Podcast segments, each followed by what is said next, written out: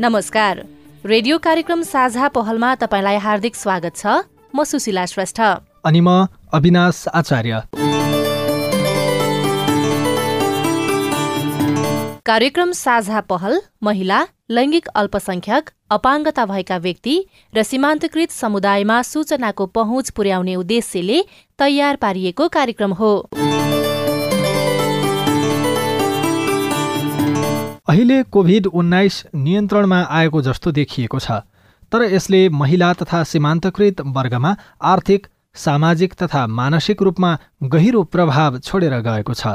कार्यक्रममा हामी लैङ्गिक समानता र सामाजिक समावेशीकरण जेसीको दृष्टिकोणबाट अब आउने कोभिड जस्ता महाव्याधि र विपत्तिसँग सम्बन्धित प्रभावकारी तयारी प्रतिक्रिया र पुनः प्राप्तिको बारेमा छलफल गर्नेछौं। लैङ्गिक समानता र सामाजिक समावेशीकरण दृष्टिकोण भन्नाले हामी यस कार्यक्रममा महिला सीमान्तकृत वर्ग बालबालिका ज्येष्ठ नागरिक अपाङ्गता भएका व्यक्ति एकल महिला लैङ्गिक अल्पसंख्यक विभिन्न प्रकारका हिंसाबाट प्रभावित भएका महिला तथा किशोरी दीर्घरोगी गर्भवती तथा सुत्केरीका सवालहरूलाई प्राथमिकतामा राख्नेछौ। सँगै लैङ्गिक हिंसा तथा जातीय विभेद मानव बेचबिखनबाट प्रभावित भएका व्यक्तिहरू सामाजिक आर्थिक तथा नागरिक अधिकारबाट वञ्चित भएका व्यक्तिहरूको भोगाई उनीहरूका अपेक्षा पुनरुत्थानका लागि सरकारवालाले के गर्न सक्छन्? विज्ञ संघको परामर्श साथै सरकारका योजना लक्षित वर्गको पहुँच र कार्यान्वयनको अवस्थाबारे खोजी गर्नेछौं। साथै कोभिडबारे फैलिएका अफवाहहरू भ्रम र गलत जानकारीलाई सम्बोधन गर्दै विज्ञ सङ्घको सवाल जवाफ पनि प्रस्तुत गर्नेछौँ र सबैको पहुँचमा आवश्यक सूचना पुर्याउने प्रयत्न गर्नेछौँ। युएन ओमनको सहयोगमा ल्याक नेपाल र अकोराबको साझेदारीमा उत्पादन गरिएको रेडियो कार्यक्रम साझा पहल सिआइएन मार्फत सामुदायिक रेडियोबाट देशैभरि सिआइएन खबर डट कम र मोबाइल एप सिआइएनमा पनि चाहेको बेला तपाईँ विश्वभरि नै सुन्न सक्नुहुन्छ। साथै सिआइएनको फेसबुक पेजमा गएर साङ्केतिक भाषामा हेर्न पनि सक्नुहुनेछ। कार्यक्रम साझा पहलमा आज विपद जोखिम न्यूनीकरण योजनामा विपदको पूर्व तयारी र महिला तथा सीमान्तकृत वर्गको प्रतिनिधित्वका सवालका बारेमा छलफल गर्नेछौ। साथै यही अन्तर्गत आर्थिक रूपमा पुनः प्राप्तिका लागि आवश्यक सिप स्रोत साधन र आर्थिक समावेशीकरण सम्बन्धी सवाललाई पनि समेट्नेछौ। कार्यक्रम साझा पहलको पन्ध्रौं भागमा आज हामी स्थानीय सरकारको विपद जोखिम न्यूनीकरण योजनामा विपदको पूर्व तयारी र ती तयारी र योजनामा महिला सीमान्तकृत वर्गको प्रतिनिधित्वलाई कसरी समेटिएको छ त? स्थानीय जनप्रतिनिधिसँगको कुराकानी कुनै न कुनै कोडबाट सम्बोधन गर्नै पर्छ। त्यसको लागि चाहिँ हामी तयारी गर्ने हिसाबमा अगाडि छौँ र अब बाँकी पनि यो बजेट सत्र समापन गर्दाखेरि त्यसको तयारी हामी पूर्ण रूपले गर्छौँ। संघीय सरकारले विपदको पूर्व तयारीमा महिला तथा सीमान्तकृत वर्गको प्रतिनिधित्वको सवाललाई कसरी समेटिरहेको छ र तीबाट प्राप्त नतिजा र सिकाइ साथै आगामी योजनामा उनीहरूको प्रतिनिधित्व कसरी सुनिश्चित गरेको छ त? विपद जोखिम न्यूनीकरण तथा व्यवस्थापन प्राधिकरणको भनाई। त्यसमा चाहिँ मुख्य गरी सूचनाहरू पुर्याउने सन्दर्भमा चाहिँ महिला समूहहरू छन् गाउँ गाउँमा आमा समूहहरू भयो समुदायमा सङ्गठित भएर रहेका महिलाहरू हुनुहुन्छ। अब जस्तो कुनै पूर्व सूचना आयो बाढीको अथवा पहिरोको त्यस्तो खालको सूचना आयो भने पनि उहाँहरूलाई जानकारी गराउने र उहाँहरू मार्फत परिवारमा पनि पुर्याउने गरी त्यसरी पनि गरेका छौँ। विपद जोखिम न्यूनीकरण योजनामा विपदको पूर्व तयारी र त्यसमा महिला तथा सीमान्तकृत वर्गको प्रतिनिधित्वका सवाललाई स्थानीय सरकारले कसरी सम्बोधन गर्न सक्छ? विपद विज्ञको भनाई। तत्काल विपद आइलाग्यो भने के के चिजको आवश्यकता पर्न चाहिँ जान्छ र त्यो चिजहरू कसरी उपलब्ध हुन्छ भन्ने कुराहरूको बारेमा चाहिँ छलफल गर्ने त्यो छलफल चाहिँ महिला स्वयं चाहिँ सबैको सहभागिता राख्यो। उहाँहरूलाई के आवश्यकता के हो भन्ने कुराको बारेमा चाहिँ सोधखोज गरेर चाहिँ त्यसको सम्बोधनको तयारीहरू गर्न सक्यो भने यो विपदको पूर्व तयारीको क्रममा चाहिँ महिलाहरूको सहभागितालाई हामी चाहिँ सुनिश्चित गर्न सक्छौँ। साथै कोरोना महामारीका बारेमा फैलिएका अफवाहमा विज्ञको जवाब सहितको विशेष श्रृङ्खला प्रस्तुत गर्नेछौ। कुनै पनि किसिमको विपद तथा महामारीले सबै तहलाई प्रभाव पार्दछ। मुख्यतया महिला बालबालिका वृद्ध वृद्धा सीमान्तकृत समुदायहरू विपदको समयमा बढी प्रभावित हुन्छन्। यस्तो समयमा गर्भवती तथा सुत्केरी महिलाहरू अझ बढी नै प्रभावित हुन्छन्। कुनै पनि प्रकोपको प्रभावलाई कम गर्न स्थानीय सरकारले विपद पूर्व तयारी र प्रतिक्रिया योजना तयार गरेका हुन्छन्। यदि हामीले जोखिम क्षेत्रहरू पत्ता लगाउन र जोखिममा परेका ती बस्तीहरूलाई पूर्व पहिचान गर्न र उनीहरूलाई सुरक्षित स्थानमा स्थानान्तरण गर्न सकेमा यो प्रभावकारी हुन्छ भने क्षतिलाई कम गर्न सकिनेछ। यसबाट हामीले जीवन बचाउन सक्छौ।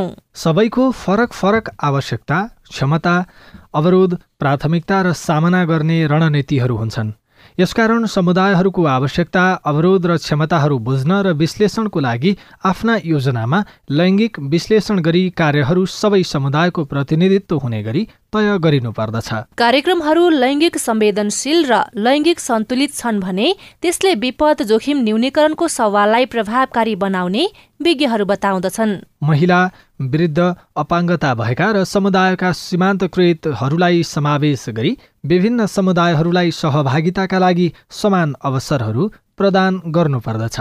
स्थानीय सरकारले विपदको जोखिम न्यूनीकरण योजनामा विपदको पूर्व तयारी र ती तयारी र योजनामा महिला र सीमान्तकृत वर्गको प्रतिनिधित्वलाई कसरी समेटिरहेको छ तीबाट सिकेका सिकाइ र उपलब्धि अनि आगामी दिनको योजनामा के छ त? साथी जनार्जन खत्रीले लालबन्दी नगरपालिका सर्लाहीका प्रमुख वासुदेव अधिकारीसँग कुराकानी गर्नुभएको छ। विपद व्यवस्थापन समिति हामीले गठन गरेका छौँ। सात नम्बर वडा अध्यक्ष त्यसको संयोजक हुनुहुन्छ र त्यसरी आफ्नो तयारी गर्ने काम चाहिँ अगाडि बढाइराखेको छ।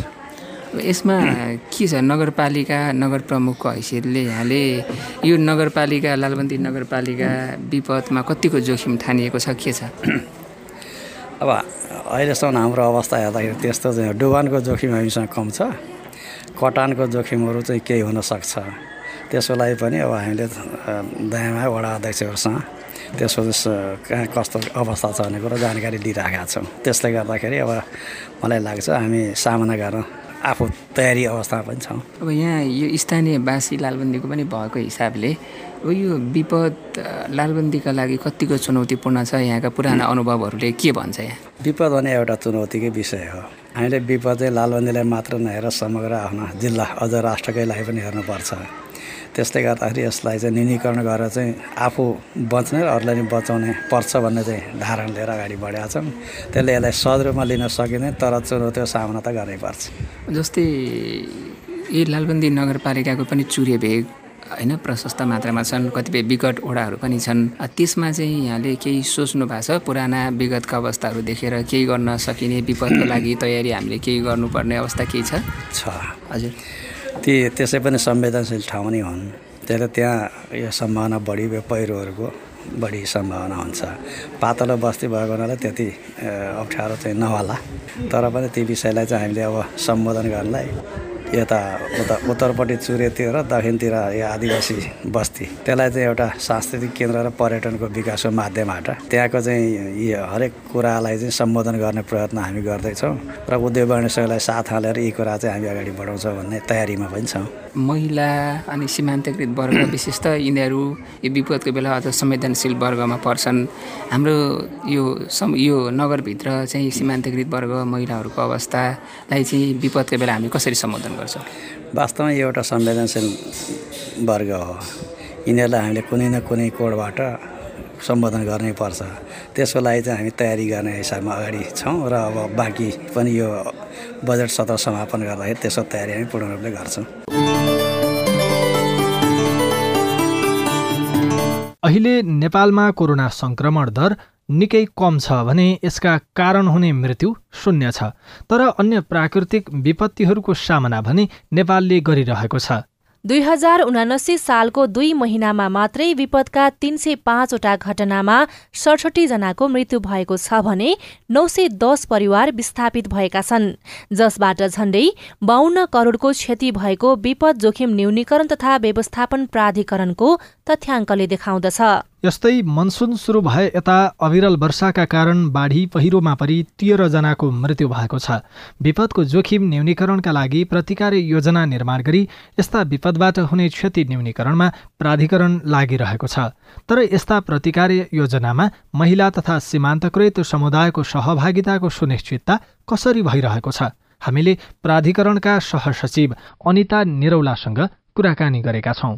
हरेक वर्ष बनाउँछौँ मनसुन पूर्व तयारी तथा प्रतिकार योजना भनेर बनाउने गर्छौँ। त्यसमा पनि जुन हाम्रो क्लस्टर मेकानिजम छ हाम्रो राष्ट्रिय विपद प्रतिकार कार्य ढाँचा छ त्यो अनुसार जुन क्लस्टर मेकानिजमको हामी एसोसमा हामी छौँ त्यसमा पनि प्रोटेक्सन क्लस्टर त्यसपछि लजिस्टिक क्लस्टर न्युट्रिसन क्लस्टर हुन त सबै जोडिनुहुन्छ तर विशेष गरी उहाँहरूले चाहिँ यो क्षेत्रमा चाहिँ न्युट्रिसनको हिसाबले कसरी हेर्ने अनि शिविरहरूमा उहाँहरूका लागि मैत्री खालका संरचनाहरू राहत सामग्रीमा उहाँहरूलाई आवश्यक हुने खालका सामग्रीहरू कसरी व्यवस्थापन गर्ने गोदामहरूमा कसरी त्यो स्टक गर्दाखेरि त्यो खालको सामग्रीहरू गर्ने भन्ने विषयमा चाहिँ हामी हरेक वर्षको मनसुन पूर्व तयारी तथा प्रतिकारी योजनामा पनि राख्छौँ र त्यही अनुसार हाम्रा सबै निकायहरूलाई चाहिँ त्यो अनुसार तयारी रहन हामीले भनेका छौँ। तयारी अवस्थामा रहेको अवस्था पनि छ। ती योजनाहरू कार्यान्वयनको क्रममा चाहिँ उनीहरूलाई कसरी सहभागी गराइन्छ? विशेष गरी महिलाहरूले पनि जोखिम न्यूनीकरणको क्षेत्रमा काम गर्न सक्छन् भन्ने कुरा छ गर्न सक्छन् पनि। महिलाहरूलाई नै त्यो जोखिम न्यूनीकरणमा चाहिँ कतिको सहभागिता गराइन्छ? त्यसमा चाहिँ मुख्य गरी सूचनाहरू पुर्याउने सन्दर्भमा चाहिँ महिला समूहहरू छन् गाउँ गाउँमा आमा समूहहरू भयो समुदायमा सङ्गठित भएर रहेका महिलाहरू हुनुहुन्छ। त्यस्तो र अपाङ्गता भएका व्यक्ति लगायत जो पनि संवेदनशील वर्गमा हुनुहुन्छ उहाँहरूको त्यो कम्युनिटीमा जुन अर्गनाइजेसन उहाँहरूले गर्नुभएको छ अब जस्तो कुनै पूर्व सूचना आयो बाढीको अथवा पहिरोको त्यस्तो खालको सूचना आयो भने पनि उहाँहरूलाई जानकारी गराउने र उहाँहरू मार्फत परिवारमा पनि पुर्याउने गरी त्यसरी पनि गरेका छौँ भनेदेखि अब खास गरी चाहिँ यसमा चाहिँ त्यो घरलौरी इन्फर्मेसन नै हामीलाई आवश्यक हुन्छ। त्यस कारणले अहिले चाहिँ चौधवटा स्थानीय तहबाट चाहिँ हरेक घरको चाहिँ त्यो स्थानीय तहभित्रको हरेक घरभित्र कुन कुन खालको चाहिँ व्यक्तिहरू हुनुहुन्छ त?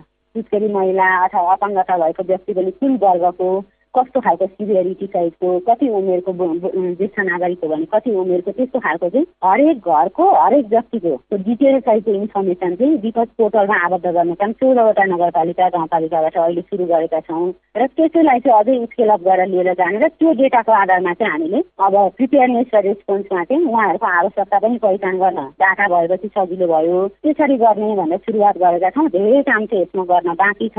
तर अहिले हामीसँग जे जति तथ्याङ्कहरू उपलब्ध छन् त्यो तथ्याङ्कको आधारमा चाहिँ उहाँहरूको स्पेसल निडलाई फुलफिल गर्ने गरी हाम्रा तयारीहरूलाई केन्द्रित गर्न हामी सबै निकायलाई सेन्सिटाइज गर्ने काम गरेका छौँ। अहिलेसम्म यहाँले जुन योजना कार्यान्वयनमा लग्नु भएको छ कार्यान्वयन गर्दाखेरि देखिएका चुनौतीहरू चाहिँ के रहे? कार्यान्वयन गर्दा देखिएका चुनौती भनेको चाहिँ खास गरी त्यो घरलौरी इन्फर्मेसनहरू नै हामी कहाँ छैन। हरेक घरभित्रको हरेक व्यक्तिको जुन सेग्रिगेटेड डेटा भन्छौँ नि हामी खण्डित तथ्याङ्क त्यो तथ्याङ्कको उपलब्धता नभएको कारणले चाहिँ कस्तो व्यक्तिहरू त्यो प्रभावित समुदायमा हुनुहुन्छ अथवा सम्भावित प्रभाव पर्ने समुदायमा हुनुहुन्छ र उहाँहरूलाई कस्तो खालको आवश्यकता हुन्छ? उद्धारमा कस्तो खालको तयारी चाहिन्छ?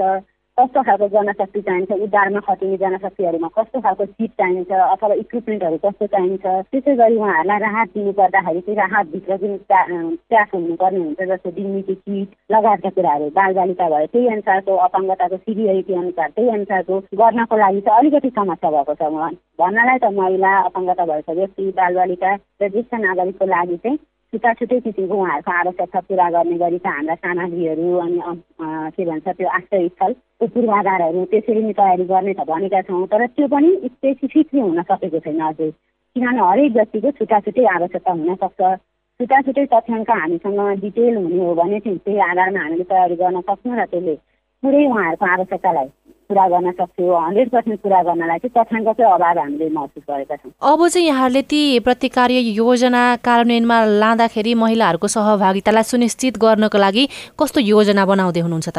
त्यसको लागि चाहिँ अब मुख्य गरी भन्नुपर्दाखेरि चाहिँ एउटा ब्रोड जुनले चाहिँ यो कुरालाई सहभागिता सशक्तिकरण संरक्षण सबै कुरालाई यो आस्पेक्टलाई चाहिँ कभर गर्ने गरी चाहिँ एउटा जेसीको स्ट्राटेजी नै हामीले आवश्यक महसुस गरेर जेसी स्ट्राटेजिक एक्सन प्लान भनेर भनेका छौँ होइन? लैङ्गिक तथा सामाजिक समावेशीकरण। रणनीतिक कार्ययोजनाको नसेर हामी तर्जुमा गरिराखेका छौँ। जसले चाहिँ के कुरामा गाइड गर्छ भने कस्तो खालको तथ्याङ्क हामीलाई आवश्यक पर्छ यो समुदायको सहभागिता बढाउनको लागि उहाँहरूको सशक्तिकरण गर्नको लागि उहाँहरूलाई सुसूचित गर्नको लागि र उहाँहरूका स्पेसल निडलाई फुलफिल गरेर आवश्यकता अनुसार प्रोटेक्सन गर्नको लागि भनेर हामीले चाहिँ घरलौरी इन्फर्मेसनको कुरा पनि त्यसमा राख्छौँ। घरलौरी यो समुदायबाट पनि भोलिन्टियरहरू चाहिँ ट्रेन गर्ने। उहाँहरूलाई पनि स्वयंसेवक हुनलाई उत्प्रेरणा दिने सशक्तिकरण गर्ने तालिम दिने र ज जसले सक्नुहुन्छ। ब्युरोमा आबद्ध गराउने त्यही अनुसार उहाँहरूलाई मोबिलाइज गर्ने स्किल ट्रेनिङ स्किल डेभलपमेन्टका ट्रेनिङहरू दिने र उहाँहरू मार्फत चाहिँ त्यो समुदायमा अझै बट्टा सूचना पुर्याउने भन्ने पनि छ।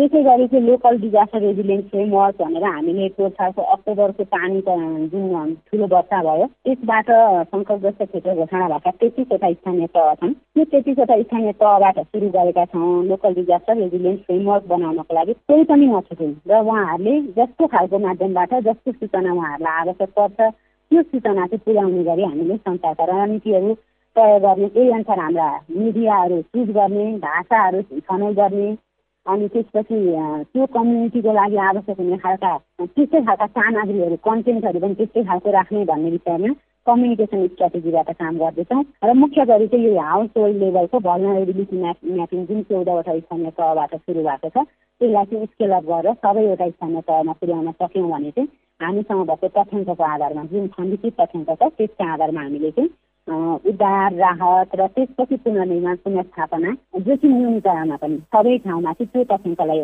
उपयोग गरेर हामी कामहरू गर्न सक्छौँ। तपाईँ यति बेला रेडियो कार्यक्रम साझा पहल सामुदायिक सूचना नेटवर्क सिआइएन मार्फत देशभरका विभिन्न सामुदायिक रेडियो र मोबाइल एप सिआइएन र सिआइएन खबर डट कम मार्फत सुन्दै हुनुहुन्छ। तपाईँलाई पनि विपदका बेला आफूले भोगेका समस्याहरू सुनाउन मन छ? या सरकारसँग आफ्ना अपेक्षा प्रश्न गुनासा वा जिज्ञासाहरू छन्? छन् भने हाम्रो फोन नम्बर शून्य एक बाहन्न साठी छ चार छमा फोन गरेर आफ्नो कुरा राख्न सक्नुहुनेछ।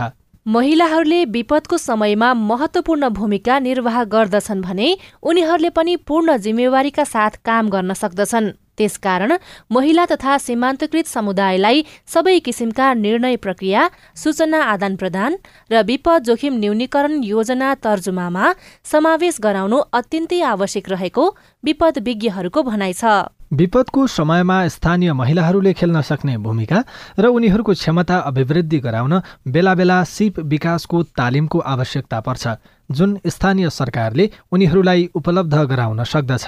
यस्तै लैङ्गिक समानता र सामाजिक समावेशीकरण जेसीको अवधारणा अनुसार पनि पालिका तहको नीति कानून योजना कार्यक्रम बजेट आदिको तर्जुमा गर्दा महिला दलित अपाङ्गता भएका व्यक्तिहरू एकल महिला लैङ्गिक तथा यौनिक अल्पसंख्यक सीमान्तकृत तथा पछाडि परेका वर्ग र सबै समुदायको अर्थपूर्ण सहभागिता तथा प्रतिनिधित्व सुनिश्चित गरिनुपर्ने विपद विज्ञ मेघराज मगर बताउनुहुन्छ। महिलाहरूको प्राकृतिक रूपले उहाँहरूको एउटा निडको कुरा आवश्यकताको कुराहरू पनि फरक छ होइन? हामी सबैलाई थाहा छ होइन? महिलाहरूमा चाहिँ मासिक धर्म हुन्छ महिलाहरू चाहिँ गर्भदान गर्नुहुन्छ उहाँहरू चाहिँ सुत्केरी चाहिँ उहाँहरू हुनुपर्ने चाहिँ उहाँको जुन प्राकृतिक उहाँहरूको चाहिँ त्यो एउटा सक्षमता प्राप्त गर्नु भएको छ। त्यस्तो परिस्थितिको बेलामा चाहिँ विपदहरू भयो भने अझ उहाँहरू बढी चाहिँ त्यो परिस्थितिमा हुनुभएको महिला दिदी बहिनीहरू बढी चाहिँ जोखिममा पर्नु हुने उहाँहरूको जुन छुट्टै आवश्यकताहरू हुन्छ। त्यस कारणले स्थानीय सरकारले अथवा जो जुनसुकै निकायले पनि विपदको पूर्व तयारीको क्रममा गर्दाखेरि चाहिँ खास गरी महिलाहरूले एउटा चाहिँ पार्टिकुलर त्यो ठाउँ विशेषमा चाहिँ कुनै पनि किसिमको विपद हुँदाखेरि विगतको अनुभवमा चाहिँ कस्तो कस्तो किसिमको समस्याहरू उहाँले भोग्नु परेको थियो होइन? तत्काल उहाँहरूको समस्या समाधानको लागि चाहिँ स्थानीय सरकारले तत्काल त्यसको व्यवस्थापन गर्न सकेको थियो कि थिएन होइन? जस्तै अब महिलाहरूलाई चाहिँ चाहिने अब लत्ता कपडाको कुराहरू होइन? सेनिटरी प्याडका कुराहरू खाद्यान्न कुराहरू खास गरी विगतको अनुभवहरूबाट सिकाइ गरेर त्यस्ता कुराहरूको चाहिँ व्यवस्थापन गर्ने अनि विशेष परिस्थितिमा कतिजना त्यस्ता महिलाहरू रहनुहुन्छ होइन? जस्तै गर्भवती अपाङ्गता भएका एकल अनि ज्येष्ठ नागरिकहरू कतिको सङ्ख्या हुनुहुन्छ उहाँहरूलाई चाहिँ तत्काल विपद आइलाग्यो भने के के चिजको आवश्यकता पर्न चाहिँ जान्छ र त्यो चिजहरू कसरी उपलब्ध हुन्छ भन्ने कुराहरूको बारेमा चाहिँ छलफल गर्ने त्यो छलफल चाहिँ महिला स्वयं चाहिँ जो भोलि भोलिको दिनमा चाहिँ पीडित प्रभावित हुन सक्ने सम्भावना छ। उहाँहरू सबैको सहभागिता राख्यो। उहाँहरूलाई के आवश्यकता के हो भन्ने कुराको बारेमा चाहिँ सोधखोज गरेर चाहिँ त्यसको सम्बोधनको तयारीहरू गर्न सक्यो भने यो विपद पूर्व तयारीको क्रममा चाहिँ महिलाहरूको सहभागितालाई हामी चाहिँ सुनिश्चित गर्न सक्छौँ। खास गरी चाहिँ समाजको संरचनाले यस्तो तयारीको क्रमहरूमा चाहिँ जुनसुकै ठाउँमा पनि पुरुषहरूको सहभागिता चाहिँ अलिक बढी मात्रामा हुन्छ र त्यसको विषयमा जानकारी चाहिँ उहाँहरू पाउनुहुन्छ होइन? त्यसले गर्दा पूर्व तयारीको कुरामा यो भोलि गएर विपद परिसकेपछि दिनुपर्ने सामग्री मात्रै होइन कि? त्यस्तो विपद आइलाग्यो भने आफू कसरी सुरक्षित हुने भन्ने कुराको सचेतनामूलक कार्यक्रममा पनि महिला दिदी बहिनीहरूको सहभागितालाई चाहिँ हामीले सुनिश्चित गर्नुपर्छ होइन? त्यसो भयो भने भोलिको दिनमा चाहिँ विपद आइलाग्यो भने सामान्य अवस्थामा उहाँहरू भोग्दै आउनु भएको समस्याहरू के थियो? भोलि विपद आइपर्दाखेरि त्यो समस्या कसरी नयाँ ढङ्गबाट आइलाग्छ र त्यस्तो बेला सामना गर्नलाई चाहिँ हामीले कस्तो किसिमको व्यवहार गर्नुपर्छ अथवा कुन किसिमको सूचना अथवा कस्तो ठाउँमा चाहिँ आफूलाई चाहिँ नै सुरक्षित ढङ्गले राख्न सकिन्छ भन्ने बारेमा अग्रिम रूपमा त्यो सचेतनामूलक कार्यक्रमहरूमा पनि महिला दिदीबहिनीहरूको सहभागितालाई हामीले सुनिश्चित गर्न सक्यौँ भने त्यसले भोलिको दिनमा कदाचित प्राकृतिक प्रकोप कारणले गर्दाखेरि चाहिँ विपद आइलाग्यो भने त्यस्तो बेलामा चाहिँ आफू सुरक्षित हुने आफूसँगै आफ्नो चाहिँ नै आश्रयमा रहेको बालिकाहरूलाई पनि उहाँले चाहिँ सुरक्षित गर्न सक्नुको लागि त्यो सक्षमता चाहिँ हाम्रो महिला दिदीबहिनीलाई खास गरी स्थानीय तहहरूले स्थानीय सरकारले यो विपदको जुन अभ्यासहरू हुन्छ पूर्वाभ्यासहरू हुन्छ। त्यसमा महिलाको सहभागिता थोरै हुन्छन्। सीमान्तकृत वर्गको सहभागिता थोरै हुन्छ। यसमा स्थानीय सरकारले के के कामहरू गर्नुपर्छ? यसमा चाहिँ पहिलो कुरा चाहिँ सम्बन्धित स्थानीय सरकारमा चाहिँ होइन यो सेक्स रेसियो महिला र पुरुषको चाहिँ सङ्ख्यात्मक अवस्था के छ भन्ने कुराको सूचना चुस्त दुरुस्त राख्नुपर्छ। सम्बन्धित गाउँपालिका नगरपालिकामा चाहिँ महिला बाल बालिकाहरूको सङ्ख्या के कति छ भन्ने कुराको त्यो सूचनालाई हामीले चुस्त दुरुस्त राख्नुपर्छ। त्यसभित्र पनि विभिन्न अवस्थामा होइन गर्भवती सुत्केरीको सङ्ख्या के छ भनेको त्यो राख्नुपर्छ नम्बर एक। नम्बर दुई अब जुन रेसियोमा चाहिँ महिला बालबालिकाको सङ्ख्या छ त्योभित्र पनि खास गरी जोखिममा रहेका क्षेत्रहरू होइन अब कुनै पनि शाखाको सबै क्षेत्र सबै ठाउँहरू चाहिँ उत्तिकै जोखिममा हुँदैन। तर कुनै त्यस्ता क्षेत्रहरू जहाँको चाहिँ भौगोलिक अवस्था आर्थिक सामाजिक होइन शैक्षिक सचेतनाको हिसाबले हर विभिन्न पक्षबाट चाहिँ विपदको उच्च जोखिममा रहेको क्षेत्रहरूको पहिचान गर्ने। त्यो पहिचान भएका ठाउँमा चाहिँ भोलि विपद भयो भने के कति बालबालिका अथवा महिलाहरू प्रत्यक्ष रूपले प्रभावित हुन्छन् त्यसपछि त्यसको प्रत्यक्ष प्रभावित हुने महिलाहरूको सङ्ख्याहरूलाई चाहिँ निदान गर्ने त्यो निदान भइसकेपछि चाहिँ सम्बन्धित ठाउँमा चाहिँ त्यसको बारेमा पूर्व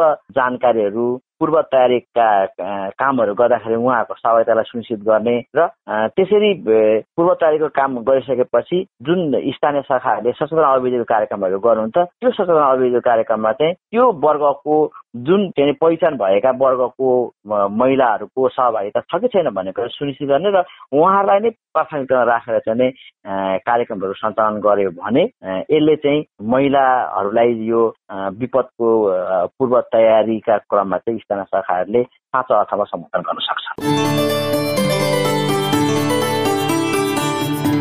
कार्यक्रममा अब भने कोरोना र कोरोनाको खोपबारे फैलिएका अफवाहबारे विज्ञसँगको सवाल जवाफ सहितको विशेष श्रृङ्खला कोभिड बारेको भ्रम र यथार्थ मकवानपुरका साथी सम्झना श्रेष्ठबाट। आजको कोभिडबारे भ्रम र यथार्थ विज्ञसँगको सवाल जवाफमा मकवानपुरका नागरिकका सवालहरूलाई समावेश गर्दैछौ। सवालको जवाफ दिँदै हुनुहुन्छ स्वास्थ्य कार्यालय मकवानपुरका सूचना अधिकारी लक्ष्मण घिमिरे। मेरो नाम अनु घिमिरे हो। मलाई सोध्न मन त लागेछ हजुर। मलाई चाहिँ कस्तो भने मेरो छोरी बाह्र लागि वर्षले चाहिँ लाग्यो महिना चाहिँ लाग्यो होइन? त्यो बच्चालाई खोप चाहिँ के गर्ने होला? यस्तो छ नेपाल सरकारले विभिन्न चरणमा विभिन्न उमेर समूहको लागि लक्षित गरेर कोभिड नाइन्टिन विरुद्धको खोप अभियान सञ्चालन गर्यो। हामीले विगतमा योभन्दा अगाडि फाइजरभन्दा अगाडि बाह्र वर्षभन्दा माथिका उमेर समूहको लागि लक्षित गरेर खोप कार्यक्रम लगाइसकेको अवस्था छ। भने अहिले पाँच वर्ष पुरा भई बाह्र वर्ष मुनिका बालबालिकाहरू लक्षित गरेर यो फाइजर खोप अभियान सञ्चालन गरेको हो। यो यो टार्गेट ग्रुप चाहिँ विद्यालयसँग आबद्ध हुने भएको हुनाले विद्यालयमै हामीले खोप केन्द्र राखेर चाहिँ फाइजर खोप चलाएका छौँ। उहाँको उमेरसम्म एघार वर्ष भन्नुभयो होइन बाह्र वर्ष पुग्नु भएको छैन। अहिले फाइजर उहाँले लाउनुहुन्छ। यदि केही गरी कहिलेकाहीँ के हुन्छ भने अभियान चल्ने दौरानमा उमेर चाहिँ के हुन्छ? योभन्दा अघिल्लो अभियान चल्दा बाह्र वर्ष नपुगेको हुन्छ। अब अहिले अभियान सञ्चालन गर्दा बाह्र वर्ष नाइसिया हुन्छ धेरैको त्यो समस्याहरू छ यस्तो अवस्थामा चाहिँ हामीले बाह्र वर्ष माथिको लागि नजिकको स्वास्थ्य संस्थामा उहाँले सम्पर्क राख्नुहुन्छ। हामीसँग मोडोना अरू भेरोसी लगायतका सबै खोपहरू छन्। उहाँले उमेर समूह अनुसार चाहिँ नजिकैको स्वास्थ्य संस्थामा सम्पर्क राख्नुभयो भने उहाँहरूले लगाइदिनुहुन्छ स्वास्थ्य कर्मीले हेटाउँदा चार पाँच मैले एउटा मात्र लगाएँ एउटा लगाएर पछि बिराम भएर चाहिँ सुतेँ। आयो धन्दा अनि ज्वरो आएपछि तिन महिना लाउनुपर्छ भनेर चाहिँ हुन्छ भने मैले अनि त्यो कार्ड पनि पाइनँ। पछि बाहिर लाउँछु भनेर भनेर बाहिर लाउँछु भन्दाखेरि त्यो कार्ड मसँग छैन। अनि पछि केही असर गर्छ कि त्यो एउटा मात्र त दुध नपुगेकोले भन्ने चाहिँ डर चाहिँ लागि नै रहेछ। उहाँले नजिकैको स्वास्थ्य संस्थामा सम्पर्क राख्ने। हामीले कार्ड हराएको लागि पनि उहाँले खोप कहाँ लाउनु भएको थियो धेरै कुराहरू सोधेर भेरिफाई गरिसकेपछि हामीले दोस्रो डोज लगाइदिन्छौँ। उहाँले पहिला लगाउनु भएको कुन खोप हो? अहिले नेपाल सरकारले त्यो गाइडलाइन अनुसार खोपको उपलब्धताको आधारमा उहाँले नजिकैको स्वास्थ्य संस्थामा सम्पर्क राख्नु भने खोप लाउनु पाउनुहुन्छ।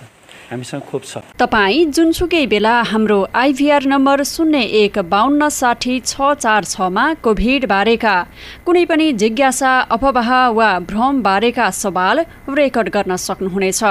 हामी विज्ञ वा सरोकारवालासँग यसबारे सोध्नेछौँ। यो सँगै अब हामी कार्यक्रमको अन्त्यमा आइपुगेका छौं। आजको कार्यक्रम साझा पहलमा हामीले विपद जोखिम न्यूनीकरण योजनामा विपदको पूर्व तयारी र महिला तथा सीमान्तकृत वर्गको प्रतिनिधित्वको सवालका बारेमा छलफल गर्यौं। विपद जोखिम सुशासनको सिद्धान्त अनुरूप सहभागिता जवाफदेहिता र पारदर्शिताको आधारमा सामाजिक समावेशीकरणको सिद्धान्त अवलम्बन गर्नुपर्ने हुन्छ। समुदाय स्तरको विपद जोखिम न्यूनीकरणका लागि नागरिक समूह उपभोक्ता समिति स्थानीय सामुदायिक संस्थाहरू महिला समूह र समग्र सीमान्तकृत समुदायको सहभागिता सुनिश्चित गर्दै आवश्यकताका अनुसार क्षमता विकासका कार्यक्रम सञ्चालन गरिनुपर्दछ। तर अहिलेसम्मको अभ्यासले यसको प्रभावकारी कार्यान्वयन भएको देखिएको छैन। तसर्थ आगामी दिनमा आउने विपद जोखिम न्यूनीकरणमा त्यस्ता वर्गको प्रत्यक्ष सहभागिता सुनिश्चित गर्न सरकार प्रतिबद्ध रहनुपर्दछ। कार्यक्रम साझा पहलको आजको अङ्कबाट भने बिदा लिने समय भइसकेको छ। तपाईँलाई तपाईँको पालिका वा सरोकारवालासँग केही सोध्न भन्न जान्न बुझ्न अथवा समस्या सुनाउन मन छ? मन छ भने हामीलाई सम्पर्क गर्न सक्नुहुनेछ। केही प्रश्न प्रतिक्रिया र टिप्पणी छन् भने हाम्रो टेलिफोन नम्बर शून्य एक बाहन्न साठी छ चार छमा फोन गरेर रेकर्ड गराउन सक्नुहुनेछ। आजका लागि प्राविधिक साथी सुभाष पन्तलाई धन्यवाद। साथै कार्यक्रमलाई साङ्केतिक भाषामा अनुवाद गर्ने साथी उमा पौडेललाई पनि धन्यवाद दिँदै अहिलेको रेडियो कार्यक्रम साझा पहलबाट म अविनाश आचार्य। अनि म सुशीला श्रेष्ठ पनि विदा भएँ। नमस्कार, नमस्कार।